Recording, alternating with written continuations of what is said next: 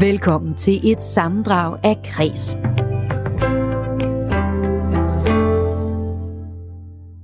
Dette er et sammenklip af Kreds sommerudgaver fra uge 29, hvor programmets værter taler med kunstneriske talenter. Du skal både høre den unge stjernekok Rasmus Munk fra den tostjernede Michelin-restaurant Alchemist, og så skal du høre fra forfatteren Tine Hø, der har skrevet en af sommerens bestsellere, Tour de Chambre.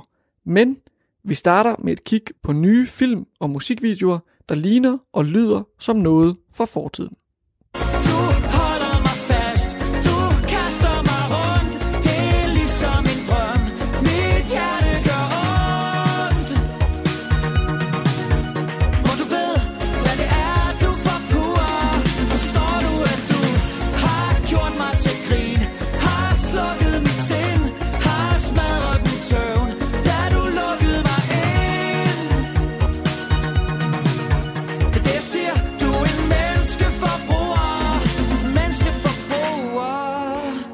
Det var den spritnye single Menneskeforbruger, der udkom i fredags fra Jesper Groth og Laurits Emanuel, der tilsammen kalder sig Fyr og Flamme. Og som man kan høre på klippet, jeg lige spillede, så er der altså masser af 80'er-længsel og dansk top-inspiration, som fik mig til at blive, ja, undskyld, fyr og flamme. De her toner, de var øh, akkompagneret af en musikvideo, der fik mig til at drømme mig tilbage til en tid med VHS-maskiner og svedige dansegulv og masser af synthesizer. Og jeg har talt med de to herrer bag Fyr og Flamme om, hvor kærligheden til 80'erne den stammer fra, samt det visuelle, æstetiske udtryk, som Fyr og Flamme de lægger for dagen. Fyr og Flamme var oprindeligt tænkt som, vi vil lave et øh, danstop-projekt. Og øh, så prøvede jeg at skrive et danstop-nummer, og så synes vi egentlig, at danstop-genren var sjovest i 80'erne, så vi prøvede ligesom at give den noget 80'er tøj på, og lige pludselig så stod vi og lavede musik, hvor, hvor vi faktisk havde øh, forelsket os utrolig meget i at lave musik fra 80'erne. 80'erne havde en melankoli og poesi over sig. Øh, poesien, musikken fra den gang, turde godt invitere øh, regnvejret indenfor på en eller anden måde. Det er heller ikke så dårligt at komme med et nummer en sommer, hvor det regner faktisk. Det kan godt noget. Min klare følelse som musiker er lidt, at øh, musikbranchen har malet sig lidt op i et hjørne, hvor det er meget få virkemidler, der egentlig kan bruges i dag. Så det er ikke sikkert, at vi laver 80'er musik om 10 år, men det er i hvert fald et meget let greb for os at bruge for at komme ud med alt det, vi har på hjerte, både i forhold til de tekster, vi vil skrive, og hvor meget indhold, der må musikalsk være i en sang. Og noget, der slår mig, det er jo netop det her visuelle udtryk i uh, musikvideoen til øh, uh, menneskeforbruger, som jo passer perfekt til dansk top. Og videoen den er jo skudt på VHS-kamera, så ingen filtre eller manipulation. Hvorfor lige præcis den her æstetik og det visuelle udtryk? Ja, altså for det første, så er det øh, sådan et, et, et kamera, man kender og kan tænde for på en eller anden måde. Der. Altså jeg vil ikke øh, vide ret meget om sådan et Canon-kamera til 11.000, så på en eller anden måde er det ret enkelt. Men igen, det, det er jo sådan, vi er øh, nødvendigvis ikke så bange for øh, øh, nostalgi, og det lykkelige eller ulykkelige minde. Min far i 1991, der købte han sådan et videokamera. Det kostede 8.000. Det var ekstremt mange penge dengang. Og det kunne ikke engang tåle at filme ind i et sterinlys, så brændte det ud. Men da vi stod på Kosmorama i Bramming, og en, der hedder Jørgen, han øh, øh skubbede lyset direkte ind i linsen der, så var det det smukkeste, vi nogensinde havde set. Vi havde bare glemt, at vi synes det var smukt. Det her lidt grynet, det passer så, så sindssygt godt. Det, det snakker virkelig med til, til den lidt nostalgiske musik, vi laver. Men det var virkelig, det var et, det var et forsøg. Det var et virkelig flot lyssetup, og så bare nærmest skyde det på, på gammelt lort, ikke? og det, det snakker bare helt vildt godt sammen. Og I udgiver jo mere musik her i løbet af 2020. I alt fem numre kan vi regne med fra jer i år. Hvad skal mm. vi forvente os af de her kommende sange, og måske især musikvideoer? Ja, altså, der er sket rigtig meget, siden vi udgav en sang i fredags. Altså, sangene kan vi meget konkret øh, sige, at dem kan I forvente alt af. Det er nogle hammergode sange, vi har skrevet. Musikvideoerne, der øh, er der lige pludselig nogle muligheder, der begynder at byde sig, og nogle mennesker, der gerne vil lege med. Så, øh, men det bliver helt sikkert øh, ikke topmoderne og Mads Lang og pænt. Jamen, Laurits har ret, det er store, men man kan forvente alt, fordi at det, øh, det, vi bliver i universet, men der bliver også lidt anderledes fra gang til gang. 80'erne er jo ikke kun én ting og sådan noget der, og det er mig og Laurits meget øh, bevidst om. Alt, hvad der er med, øh, når man gør det med det rigtige kamera og øh, tøj, der er gammelt, og øh, ikke nyt produceret gammelt, så er det fordi, vi ved, at man kan gøre det mere rigtigt. Der er andre musikere, der har en masse 80'er-lyder eller sådan noget der. Men vi prøver altså at gå all ind og så støve de gamle synthesizer af, ikke? Sagde altså Jesper Groth og Laurits Emanuel, der tilsammen kalder sig Fyr og Flamme. Og Fyr og Flamme, den er blot et eksempel på den her analog måde at gøre tingene på. Det har givet mig lyst til at kigge lidt nærmere på den her tendens, for på torsdag der får den engelske film Bait af Mark Jenkin premiere i Danmark. Og den handler om et lille traditionelt fiskersamfund i den engelske by Cornwall, der bliver forstyrret af turister. Og lad os lige høre, hvordan det lyder. Evening, Mrs. Peters. Evening, Martin. Lovely day. Ja, det var ikke så langt, men det jeg tænker, det er, at det lyder gammelt. Øh, Den her film, den er sort-hvid, og den er optaget på 16 mm analog film med vintage-kamera. Og den er også blevet klippet analogt sammen i hånden, hvor man jo i dag for det meste optager og klipper film digitalt i langt de fleste tilfælde. Og som man altså måske kunne høre på lydkvaliteten her fra filmen, så giver det jo mindelser til et tidspunkt i filmhistorien, hvor vi ikke var helt så langt fremme, som vi er i dag. Med mig nu, der har jeg Mathias Bunde Korsgaard, adjunkt i medievidenskab ved Aarhus Universitet, samt chefredaktør for filmtidsskriftet 16.9.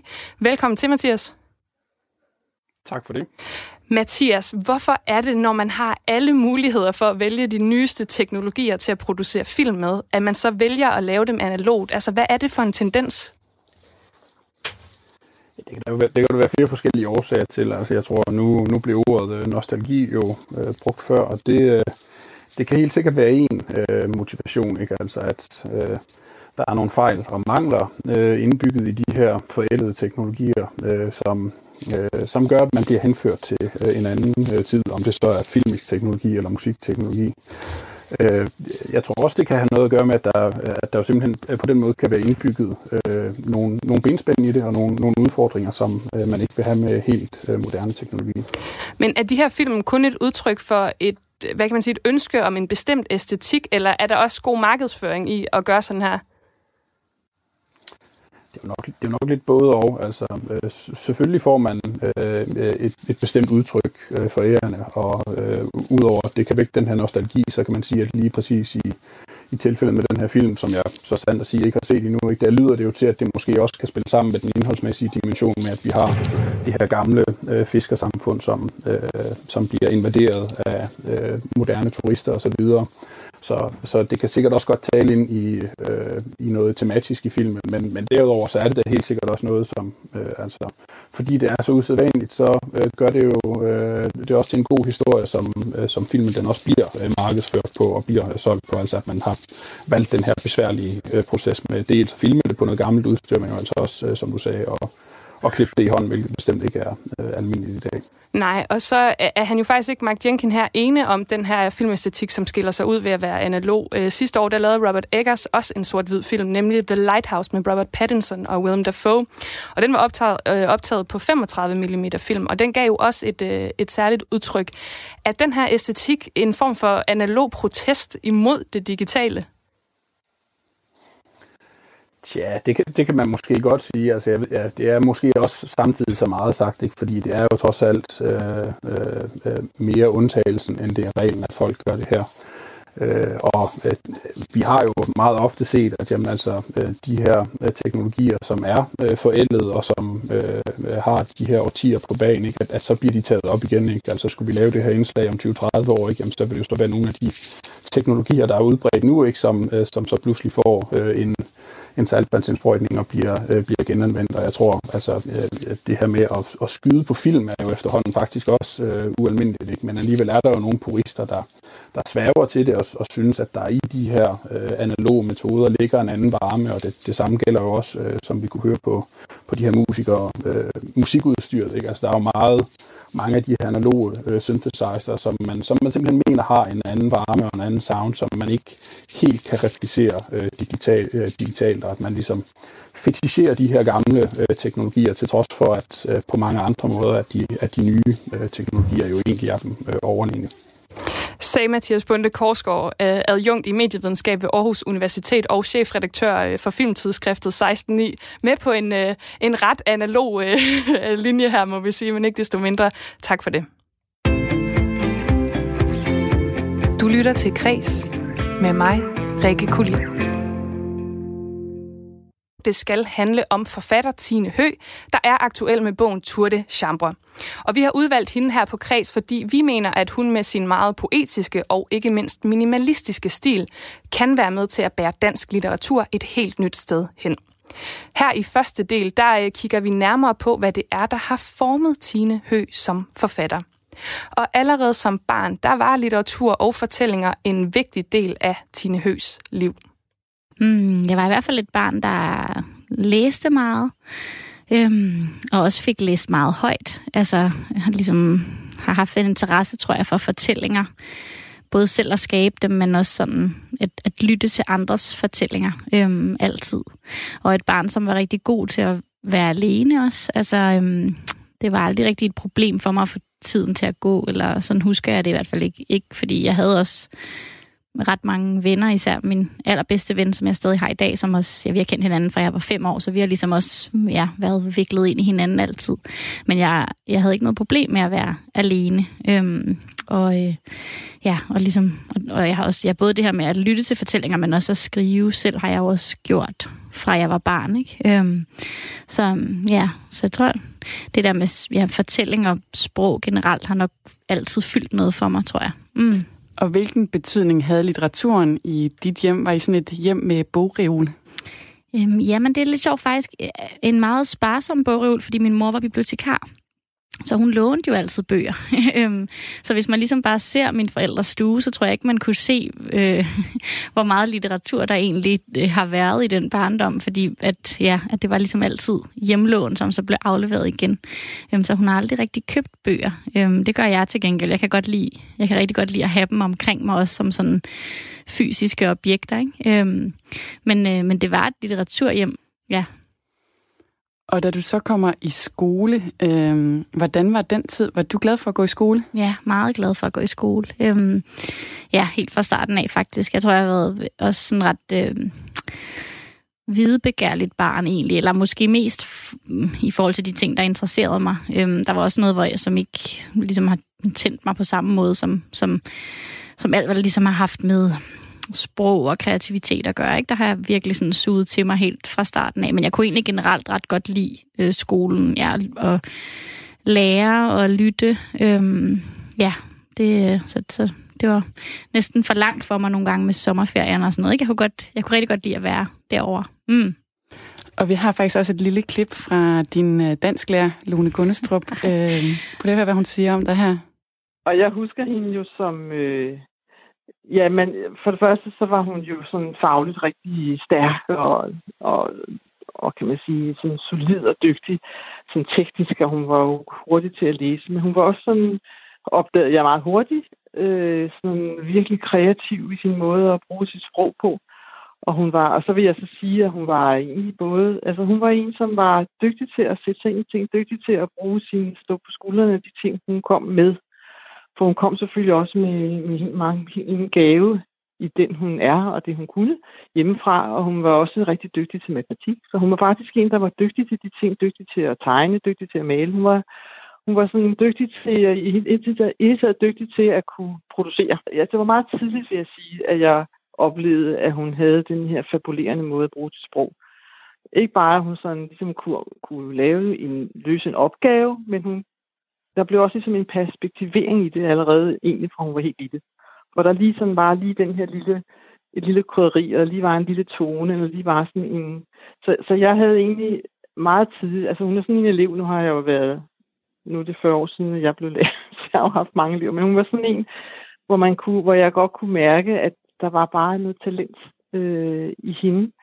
Og, øh, og det, gør det giver jo så også noget genklang, så på mange måder, så bliver det jo også en, en kan man sige, hun, så bliver det jo også noget, hvor hun, for jeg sikkert har kunne give noget, hende noget tilbage, og ligesom kunne stimulere hende i forhold til hendes lyst til at bruge sproget. Nej, jeg bliver helt rørt. Nej, hvor dejligt at høre.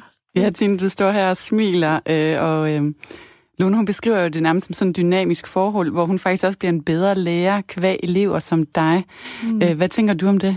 Mm, ja, altså jeg husker hende jo som en altså helt vidunderligt dansk lærer, ikke? og som jeg også tror, jeg har netop kunne se, og det er jo også giver mening, det hun siger, det, at hun har kunne se et eller andet, som hun så også har kunne mm, få til at vokse yderligere, eller du ved, altså der har været en eller anden udveksling, eller sådan, som har, som har givet mening, tror jeg sikkert for os begge to. Jeg kan i hvert fald, jeg husker hende i hvert fald som sådan utrolig stimulerende øhm, og inspirerende.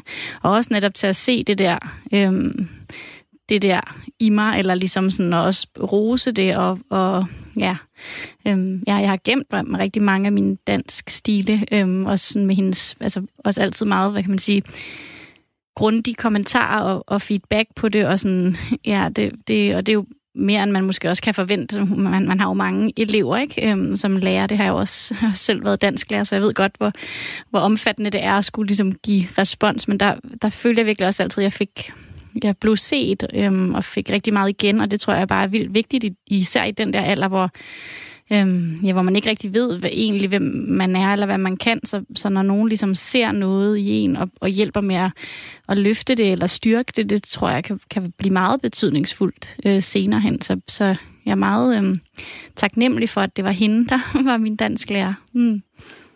Og kan du huske, øh, nu siger du, at du har gemt nogle af dem. Øh, hvad skrev du dengang? Var der allerede sådan et eller andet bestemt, der, der interesserede dig, eller hvilken retning gik det i allerede dengang? Mm.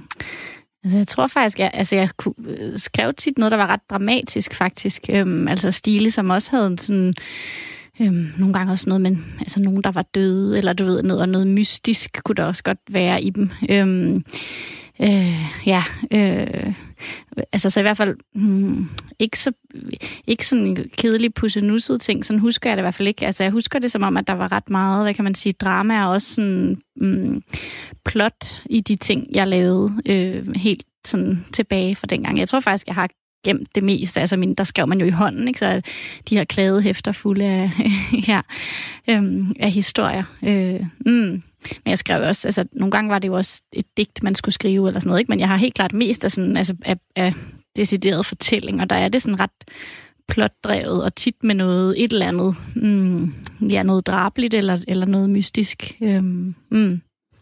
Du kommer så videre øh, i din uddannelse på gymnasiet og universitetet, øh, og du har faktisk tidligere sagt, at det der med at skrive, øh, det fik du faktisk ikke gjort så meget på de første år på universitetet.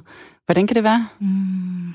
Men jeg tror, der sker et eller andet, når man ligesom bliver bliver, bliver eller for, for trænet sådan et fortolkende blik eller analyserende blik, som man jo gør, når man, altså på dansk studiet, har, bliver man jo præsenteret for rigtig meget skønlitterær tekst, øhm, men jo hele tiden med det for øje, at man skal på en eller anden måde dissekere det, eller, eller øhm, ja, analysere det, forholde sig til det sådan udefra, eller med en eller anden form for øh, køligt blik. Øhm, og det, det tror jeg, det gjorde det, det gjorde det svært for mig de første år at skrive selv, fordi at jeg måske øhm, pillede det lidt fra hinanden, før jeg fik skrevet, eller du ved, at det var som om, at, at det blik forstyrrede lidt den der øh, skabelsesproces, hvor, man, hvor jeg tror, det er ret vigtigt, at man sådan er meget ukritisk over for det, man laver til at starte med. Der er nødt til at være sådan en, noget, der ligesom bare får lov at folde sig ud, og der tror jeg, det er at ligesom betragte det udefra, fra starten af. Det var, ligesom, det var jo det, jeg ligesom øvede mig på at skulle gøre og kunne sige, og, og kunne sige noget begavet om, om andres tekster, og så kom jeg på en eller anden måde til at anvende det blik på, på det, jeg selv lavede. Det,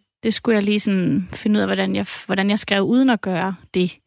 Ja. Hvordan fandt du så ud af det? Mm, jeg ved det egentlig ikke helt, hvad det var, der skete, men jeg tror, øhm, jeg, jeg mødte nogle andre, der også skrev, øh, og, og og det tror jeg var med til at ligesom få mig i gang igen, eller det der med at få et fællesskab med nogen, apropos det her med at, at føle, at man ligesom bliver set i det, man gør, som en lærer også kan gøre, så kan man også få det med andre, der skriver, og, og det med at ligesom komme i en læsegruppe, eller hvad hedder det, skrivegruppe med nogen, hvor vi læste for hinanden, der tror jeg, at øhm, ja, det var ligesom med til at få, at få løftet det igen, eller få, få givet det nyt liv, eller sådan, ikke? Øhm, ja.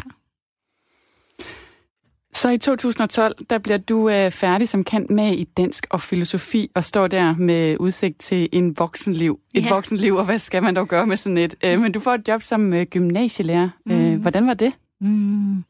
Jamen, det var jeg rigtig glad for, faktisk. Øhm, men jeg har også hele tiden haft en fornemmelse af, at det ikke rigtigt var det, jeg skulle, eller du ved, at jeg, mm, jeg blev ved med at udskyde mit pædagogikum, og jeg, jeg tror, jeg vidste jo også godt der, at det, jeg egentlig gerne ville, var at være forfatter. Jeg ville gerne skrive, jeg ville gerne skabe, så, så, så det havde jeg en idé om.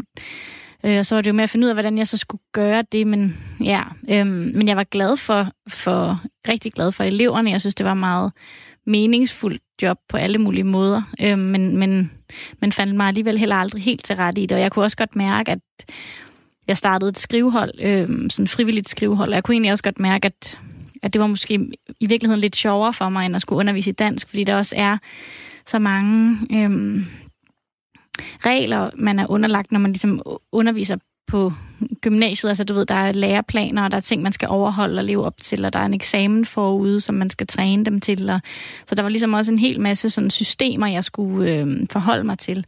Og der kunne jeg egentlig bedre lide det her med at undervise øh, i skrivning, fordi der var det ligesom mig, der satte reglerne og kunne kunne bestemme, og der var ikke nogen eksamen, og det var ligesom på en eller anden måde mere lystbetonet. Ikke? Øhm, Ja, så jeg, tror, jeg, jeg, jeg har nok hele tiden været klar over, at, at det ikke var det, jeg sådan rigtigt skulle, øhm, men at det var på en eller anden måde et mellemstop, eller et sted, hvor jeg kunne øh, skrive ved siden af. Jeg var på deltid en periode og, og skrev min debutbog der, ikke? Øhm, så jeg kunne ligesom, ja, jeg kunne, jeg kunne forene de to ting, ikke? Øhm, ja, og så sagde jeg også op, da jeg, efter jeg debuterede med Nye Rejsende der i 2017, ikke?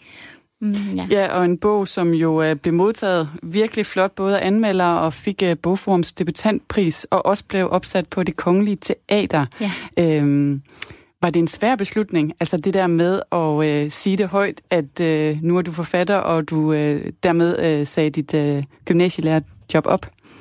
Ja, det, ja, både og.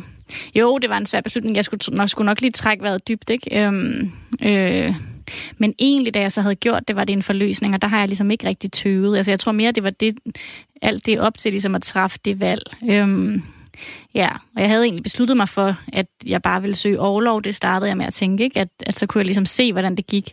Og så på vej ind på rektors kontor, så, så besluttede jeg mig for, ej, ved du hvad, jeg siger sgu op.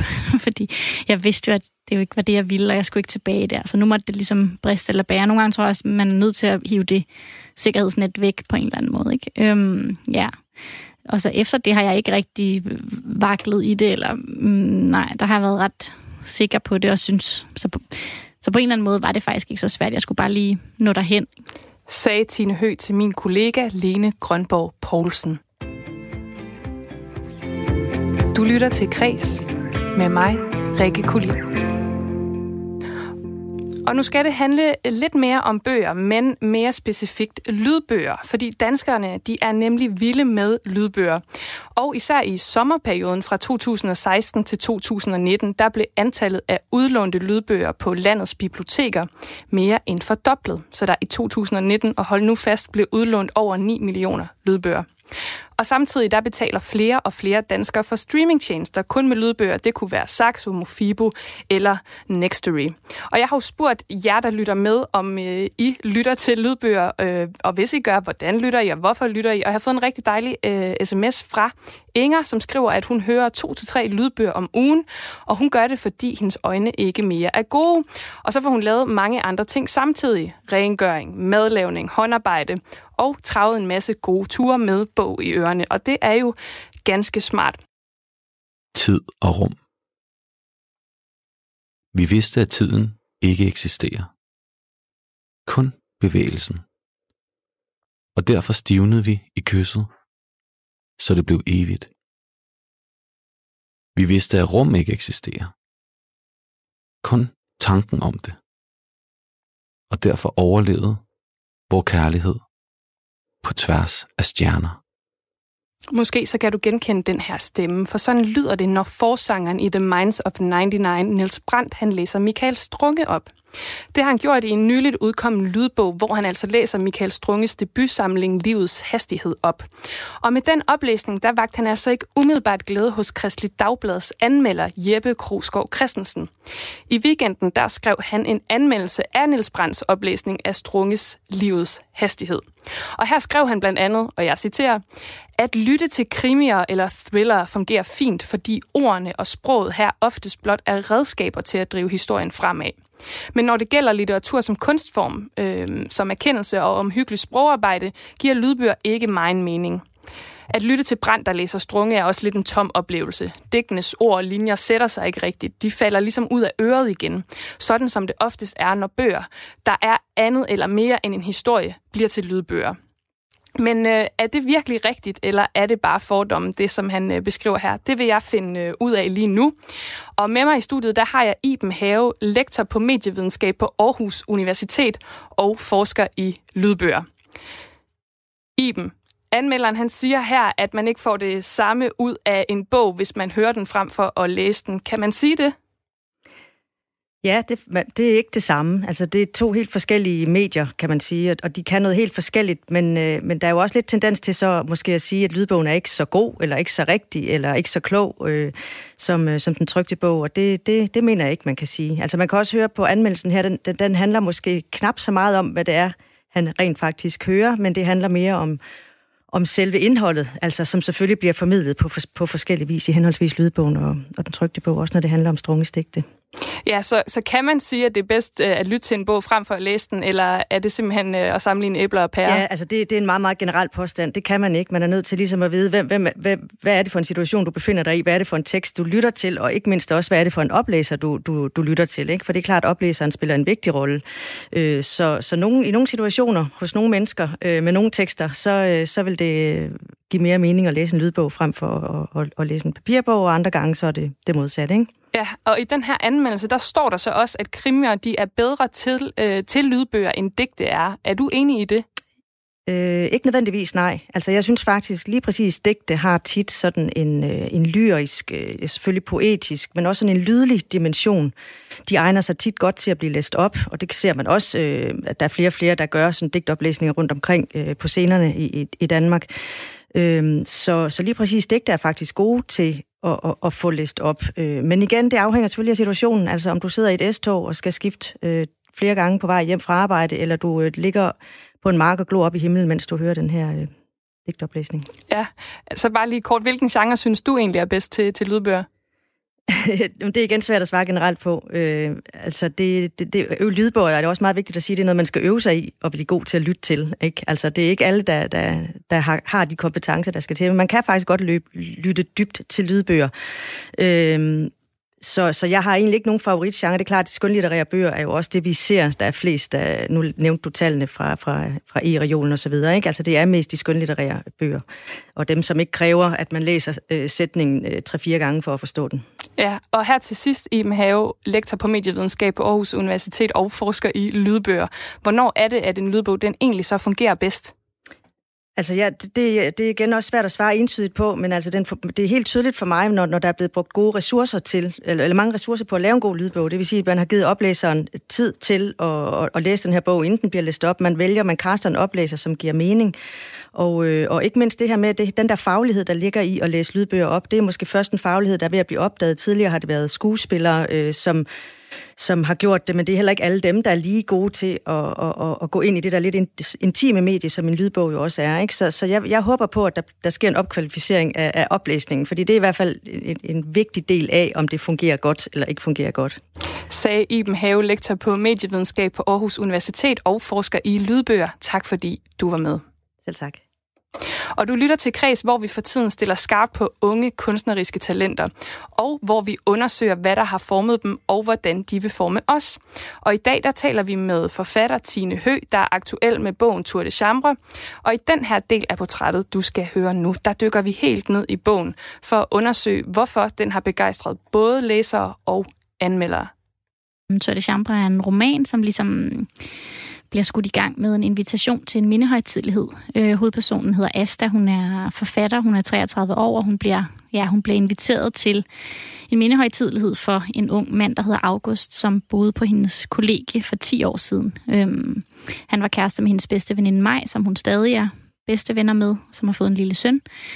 Og så bevæger romanen sig ligesom i to spor. Der er det her nutidsspor, øhm, hvor Asta skriver på en roman, og så er der fortidssporet, som ligesom begynder at, at sådan flette sig ind i nutidssporet, øhm, og hvor man følger øh, Asta og mig på kollegiet dengang, øhm, og man ligesom langsomt finder ud af, hvad det egentlig er, der er foregået dengang, og hvad det er, der leder op til det her dødsfald. Øhm, ja, så der, der er ligesom, ja, man møder Asta i to aldre, ikke, som vikler sig ind i hinanden.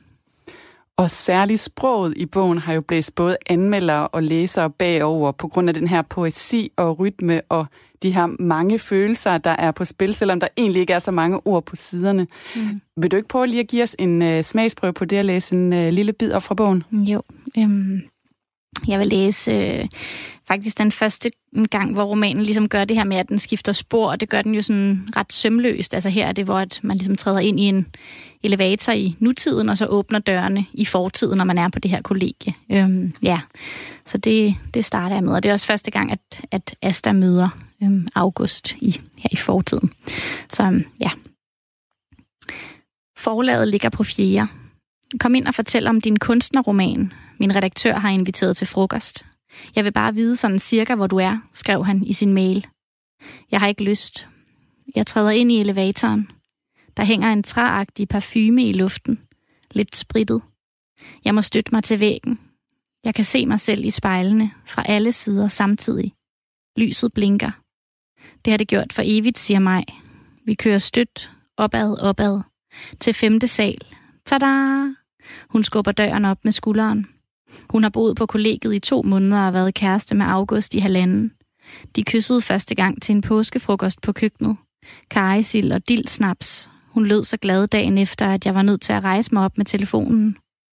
Vi skal den her vej, siger hun. En glasdør, en lang gang. Det er mig, der har skaffet mig værelset. Har lugter af fiskefrikadeller og fugtigt gulv. Linda 5A, siger hun og peger. Ernæring og sundhed. Hun brokker sig altid over larmen fra elevatoren. SIF 5B statskundskab, hun er mega sej. Og kuffertrummet helt dernede. Døren kan godt gå i baglås. Gregers 5C, det er noget CBS. Hej Hannibal. En kæmpe stor fyr med akne og en drikkedunk i hånden dukker op fra et værelse. Skal du ned og træne? Yes. Det er Asta, siger mig, der flytter ind på 5F. Helt sikkert, siger han. Kasket og en varm hånd. Han forsvinder gennem glasdøren. Dernede bor jeg, hun peger, og så er det dig, og August ved siden af, og Kim for enden, han er vores spøgelse. Kom. Hun hiver mig i armen. Køkkenet er her. Begærets imperium står der på døren. Man tager skæbnen på som en jakke, og med store bogstaver. Mere amur, mindre mært. Rummet er ret lille. En bænk, et spisebord, en ovn og fire plus, lyskæde og diskokugle.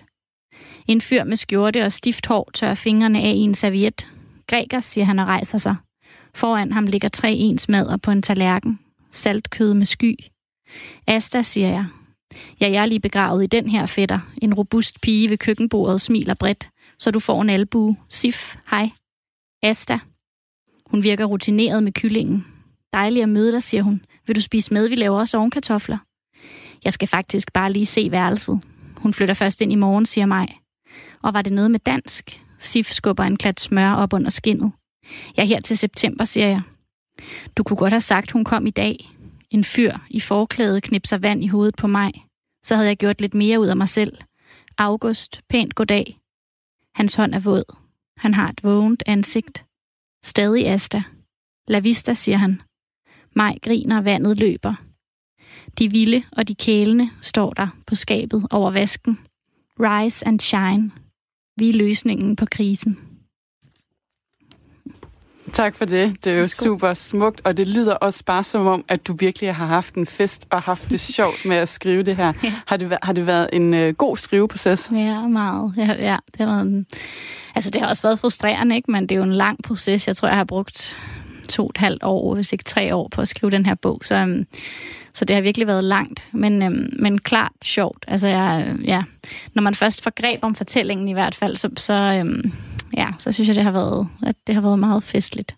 Og også det her med at sidde og mm, pusle rundt med ordene, altså for jeg, jeg skriver jo også meget lydligt, eller du ved, altså jeg læser teksten højt for mig selv, og jeg arbejder meget med, med at det også skal, skal mm, hvad kan man sige, der skal være rytme i det, og der skal være sådan lydlige forbindelser og mønstre. Så, så det, det arbejde med at sidde og pusle de ting sammen, og ligesom få det til at, at falde i hak, øh, det er også noget af det, som sådan, jeg virkelig godt kan lide. Så derfor kan jeg også godt at lide at læse op af bogen. Ikke? Jeg synes sådan, godt lide at få den igennem kroppen. Den fortjener også næsten at blive læst op, ja. ja, ja. Mm. Men der er jo mange, der sådan har øh, sammenlignet den sproglige stil, du har i uh, Tour de Chambre med Helle Helle, øh, fordi hun også skriver så minimalistisk. Og du har selv tidligere sagt, at øh, du ser Helle Helle som en øh, inspiration, og at det er sådan det her med replikkunsten og omhuen og øh, det nærmest matematiske sprogarbejde. Jeg synes jo så nærmest, at det så er en beskrivelse af dig selv, du kommer med der. øh, I hvert fald det her med, øh, med, med sprogarbejdet og, øh, og det matematiske. Øh, kan du ikke prøve at tage os med ind i den proces? Hvordan arbejder du med at få det til at hænge så ekstremt godt sammen, som øh, det jo gør? Mm. Jeg tror, jeg arbejder meget med... Øh med, at, med at flytte rundt på elementer, eller du ved, jeg ser ligesom hver, øh, hvert ord og hvert, også hvert mellemrum som en eller anden form for, eller som et element, som jeg sådan kan, kan rykke rundt med. Og der tror jeg for noget, jeg synes er ret sjovt, at det her med nogle gange at lade, mm, at lade nogle linjer, eller et ord, eller et udtryk stå et stykke tid, før man får finder ud af som læser, hvad det hænger sammen med.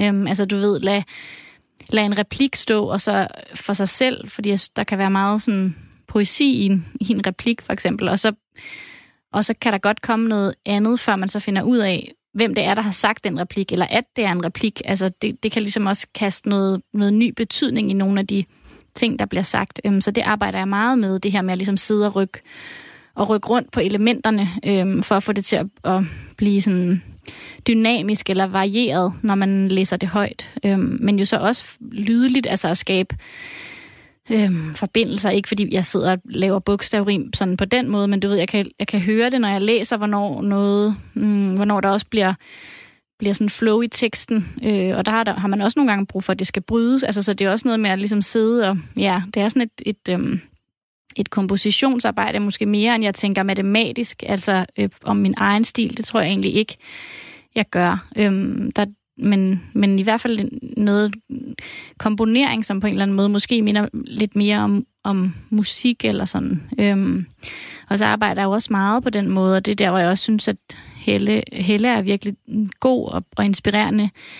Øhm, det her med at øve mig i at lytte efter, hvordan vi rent faktisk taler sammen, og så være tro mod det, når jeg gengiver replikker. Altså at mm, ikke at skrive forklarende tekst, men skrive mm, skrive, som vi taler. Øh, og det altså typisk... Øh, altså hvis to mennesker taler sammen, så forklarer man ikke for hinanden. Altså kan man, så kan jeg bare bede, måske bede dig om, øhm, kan du lige øh, lukke den der, eller forstår du, hvis der nu står en mælkekarton, øhm, så det er ikke nødvendigvis, jeg vil sige, kan du lukke mælkekartongen? Så hvis jeg bare vil sige, kan du lukke den der, så, jeg, så vil jeg også skrive det, og så er jeg nødt til, så kan jeg få placeret mælkekartongen på bordet nogle linjer tidligere, sådan, så læseren godt ved, at det, er, at det er en mælkekarton, der bliver talt om, men, og kan se det uden problemer, men at det ikke ligesom bliver, at det ikke skal forklares i replikken. Ja. Man kan sige, at øh, du måske skriver personligt, men ikke biografisk. Øh, for eksempel har du selv været øh, gymnasielærer og pendler som hovedperson i Nye Rejsende, men hvad har du sådan hentet øh, af rammer fra dit eget liv i Tour de Chambre? Mm. Jamen flere rammer, altså man kan sige både fortids- og nutids Asta har jo en livssituation, der minder om min egen, sådan på det ydre plan i hvert fald, i forhold til, at jeg selv har boet på kollegiet, ligesom kollegiet er rammen om fortidssporet for hende. Øhm, og så i nutidssporet er hun forfatter og arbejder på sin anden bog, og det har jeg jo også været, mens jeg skrev bogen.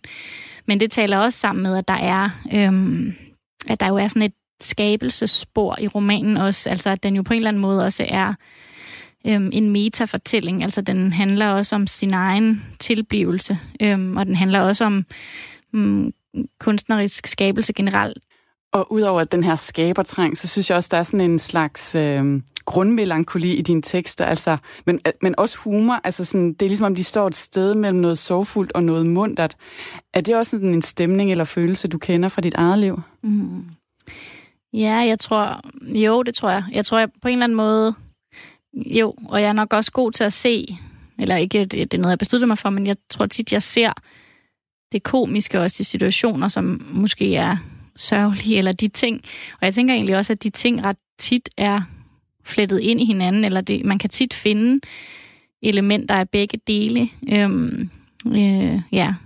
Så, så helt klart, det, det, det tror jeg da er, er sådan en, en generel øh, stemning hos mig, men jeg er meget glad for det her med, at folk også ser sorgfuldheden i, i bogen, som jeg også synes faktisk, der er meget af i min debutbog, øhm, men hvor jeg også tit for det her at vide med, at jeg også skriver sjovt, og det synes jeg også, at det er også noget, jeg kan også godt lide at læse andre, der skriver sjovt, men, men jeg synes hele tiden, at der ligesom er sådan en, ja, at det er så dobbelt, ikke? Fordi der også er en, en enorm stor øhm, sorgfuldhed, eller et vemod, eller et ja, melankoli, som du vist også selv sagde, ikke? Jeg tænker er ret rammende for den stemning, jeg også har været i, da jeg skrev bogen. Hvor kommer øh, fascinationen af den der dobbelttydige stemning fra? Mm. Jeg tænker, det er sådan, det er at være her, at være til. Øh, at der ligesom er de ting øh, side om side hele tiden. Øhm, og jeg tror, at den der grundmelankoli er en, jeg helt klart selv har, at jeg har meget, jeg har en sådan stor bevidsthed om mm, det, at vi er her nu, og at det, og at det er vi ikke altid. Altså, og, og at det hele på en eller anden måde ikke giver mening, men alligevel gør det, eller alligevel er vi her. Altså jeg tror, jeg, jeg har hele tiden sådan et, øhm, et eksistentielt take på mit eget øh, liv, eller på min egen, min egen dage, eller sådan, ikke? Det, det er noget, jeg er meget bevidst om hele tiden. Øhm, så det, det kommer også med i det, jeg skriver. Kan det være hårdt at have sådan en bevidsthed?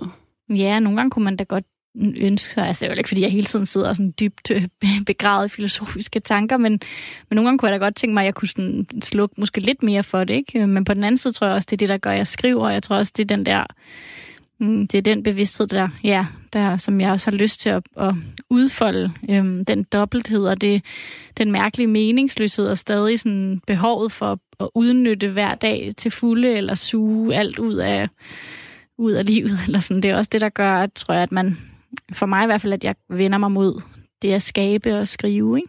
Det sagde forfatter Tine Hø til min kollega Lene Grønborg Poulsen. Og Tine Hø, hun er altså en af de otte unge kunstneriske talenter, som vi sætter fokus på øh, de næste par uger her på Kreds.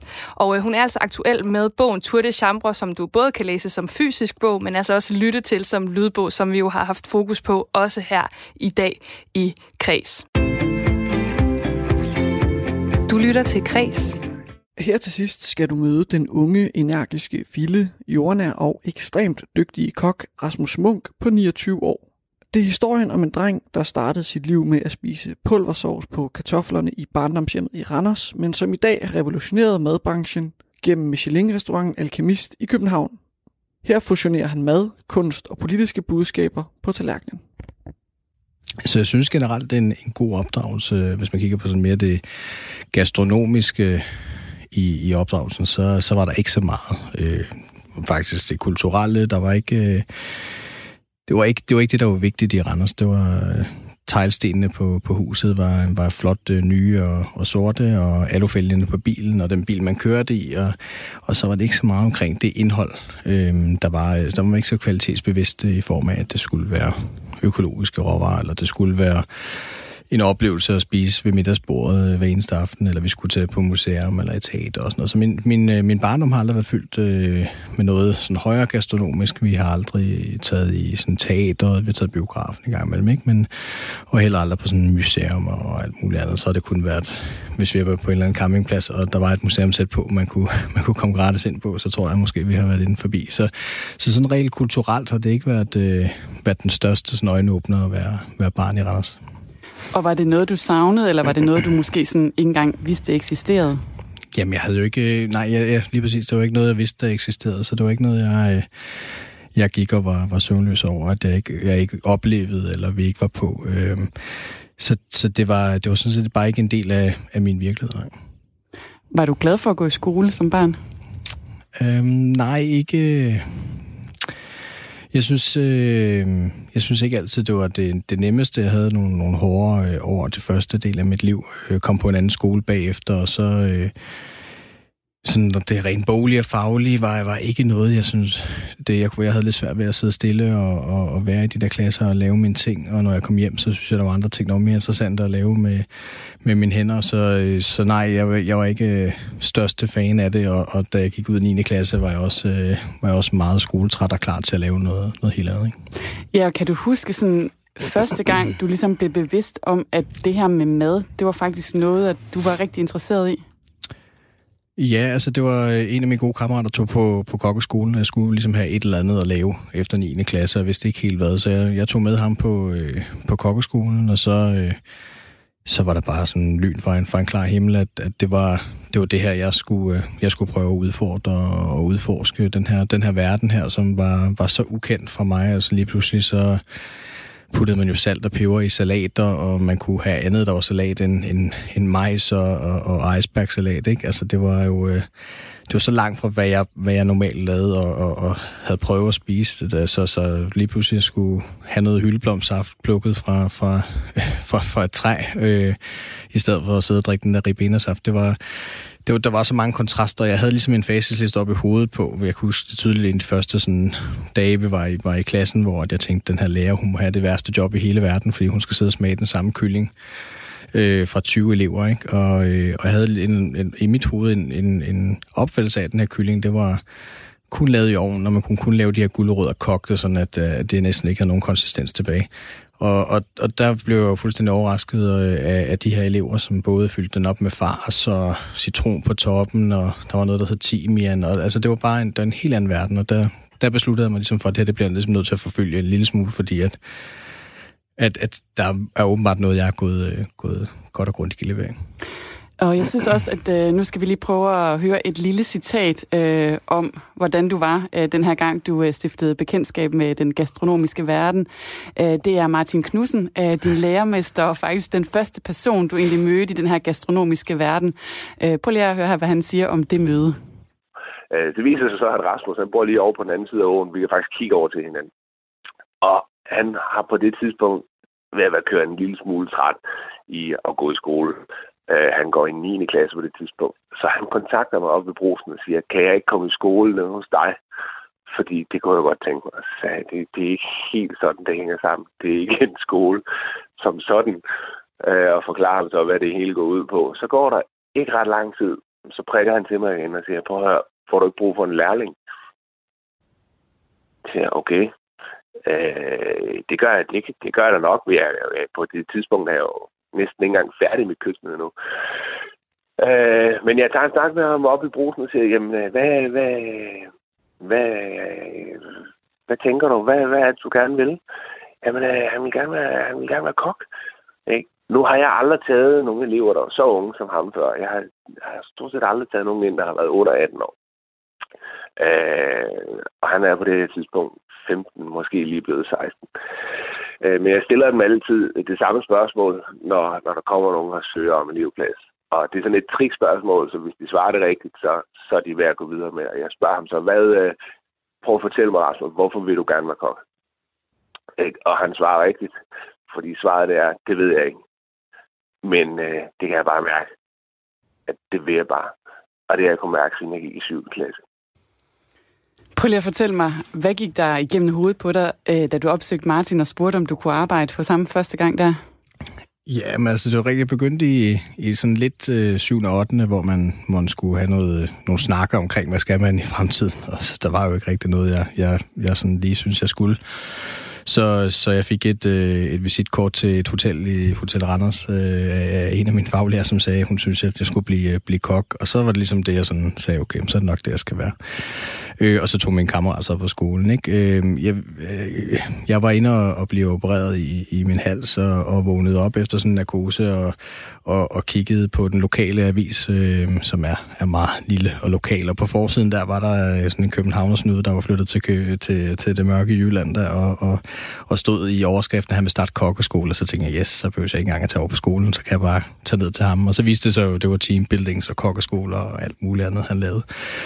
Øhm, og så approachede ham så til at, til at få en elevplads. Og det var, øhm, det var sådan set ikke fordi, at jeg så et eller andet lys i Martin, eller jeg havde øh, læst op på, hvem han var, eller hvad han kunne. Eller, ja, det, var, det var bare fordi, at det var det, det, det nemmeste. Han lå lige over for, jeg boede over på den anden side af vejen, var tre huse i den der by, og jeg tænkte, det må være, det må være der, jeg skal til. Så, så i, i den her proces, hvor også jeg finder ud af, at det er det her, jeg gerne vil lave, så vil de fleste måske gå hjem og åbne en bog og finde ud af, hvad, undersøge noget, der hedder Michelin-restauranter, og finde ud af, at der vil jeg gerne, og sætte nogle ambitioner for sig selv, men det var ikke, øh, det var ikke rigtigt det, der var vigtigt for mig på det tidspunkt. Der havde jeg bare nu, nu skulle jeg ligesom have et eller andet at lave og rive i. Og så heldigvis, øh, 7.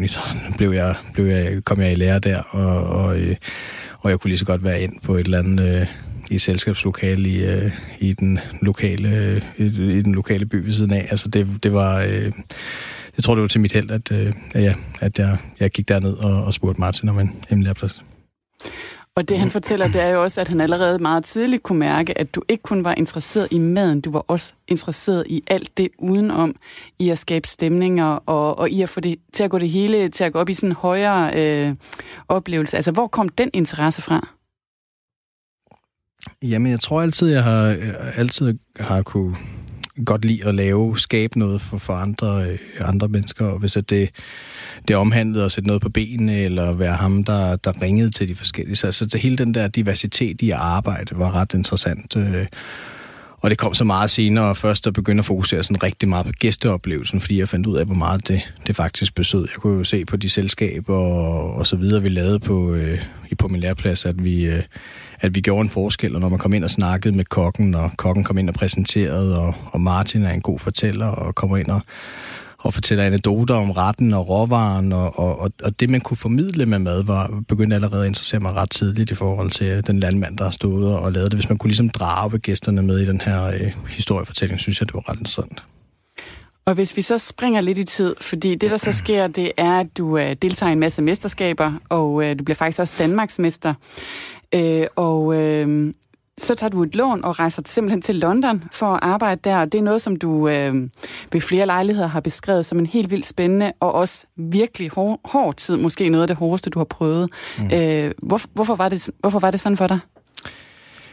Jamen, jeg tog, der, jeg tog, tog til London. Øh, jeg kunne ikke et, et ord engelsk, da, da jeg prøvede, og jeg prøvede at, at udfylde en, øh, sådan en ambassadeerklæring fra et visum, øh, en visumansøgning til USA øh, et par gange, og, og efter blev afvist øh, tre gange på ambassaden, øh, som ikke var det billigste at ansøge for, og, og, og også meget tidskrævende for mig, fordi at jeg ikke kunne, øh, kunne noget engelsk nærmest. Så, så, så, så droppede jeg det, og så tænkte jeg, så London er, er lidt nemmere at, at komme til øh, og fandt den her øh, restaurant med en dansk køkkenchef, der søgte nogle danske kokke. Og jeg havde som sagt lige vundet nogle masse mesterskaber, og var blevet Danmarksmester og Europamester, og, og var på det danske kokkelandshold og sådan noget. Så jeg var ligesom... Jeg havde et, et okay CV herhjemmefra, og tænkte, nu smider jeg det afsted og ser, om de vil have mig over på prøve. Og så, øh, så troede jeg, at jeg skulle over på prøve, og det viste sig så, at, øh, at jeg fik vagt, eller jeg fik øh, arbejdet øh, efter den ene vagt, og, og de forventede, at jeg sådan set var der dagen efter også at arbejde. Så øh, med den der lille plastikpose, jeg havde med fra, fra Netto, fyldt med alt mit, øh, mit tøj, så øh, til, til en dags overnatning, det blev så til, til fire måneders ophold, og så, øh, så hjem, og så øh, lige vende til, til noget landsholdssamling, og så tilbage igen. Øhm, så det var en... Øh, det var en rigtig hård tid i forhold til, at jeg var, var 18 år gammel, næsten 19, og, og øh, kommer fra den her lille by i Randers, havde fået nogle oplevelser, trods alt i at være i lære og arbejde på nogle toprestauranter i København, og, og havde set mange dele af branchen, så jeg var ligesom ikke sådan helt øh, grøn mere i det, men, men der var stadigvæk noget stort i at skulle flytte helt alene til, til, til Store London og, og gå fra i at være i den her lille boble i Jylland til at være i et meget multikulturelt samfund, hvor der er alle mulige kulturer og diversiteter. Altså det var, det var øh, meget lærerigt, altså menneskeligt øh, at være der, øh, og også rigtig meget fagligt, og så var det en, en by, der bare rummede af, af summen, og altså, det er jo lidt ligesom New York, ikke? Altså, det, der, der foregik noget hele tiden, og den, øh, det, det blev jeg ret meget forelsket i, at der, at der skete noget øh, hele tiden, når man gik på arbejde, og man gik hjem fra arbejde. Øhm, og så var det lidt mere det engelske regime, der, der styrede derover i form af køkkenet. Det var, øh, det var meget lange dage fra, fra 7-8 morgen til, til meget sen nat øh, hver eneste dag. Og det var, øh, der var søndag, der var, der var fri.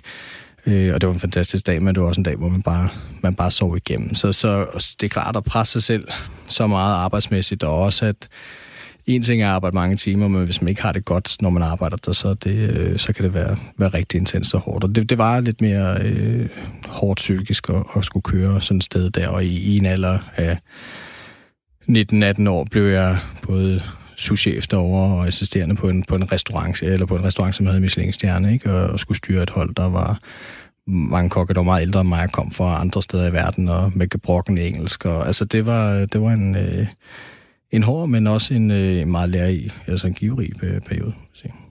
sagde Rasmus Munk til min kollega Line Grønborg Poulsen. Det var første del af et portræt af topkokken fra Alkemist Rasmus Munk. Og hvis jeg lige skal tease lidt for resten af interviewet, så kommer du der til at se nærmere på hans arbejde på restauranten Alkemist, som senest har fået to Michelin-stjerner og har serveret retter med politiske budskaber. For eksempel et spiseligt askebær, der var en kommentar til lungekræft, eller et lammehjerte med en blodpose i forbindelse med en diskussion om bloddonation. Mit navn er Rasmus Søgaard. Hvis du vil høre resten af det interview, så skal du finde podcasten på Radio 4's hjemmeside, hvor du også kan finde resten af de udsendelser, jeg har spillet klip fra i den her udsendelse af sammendrag af Græs. Tak fordi du lyttede med.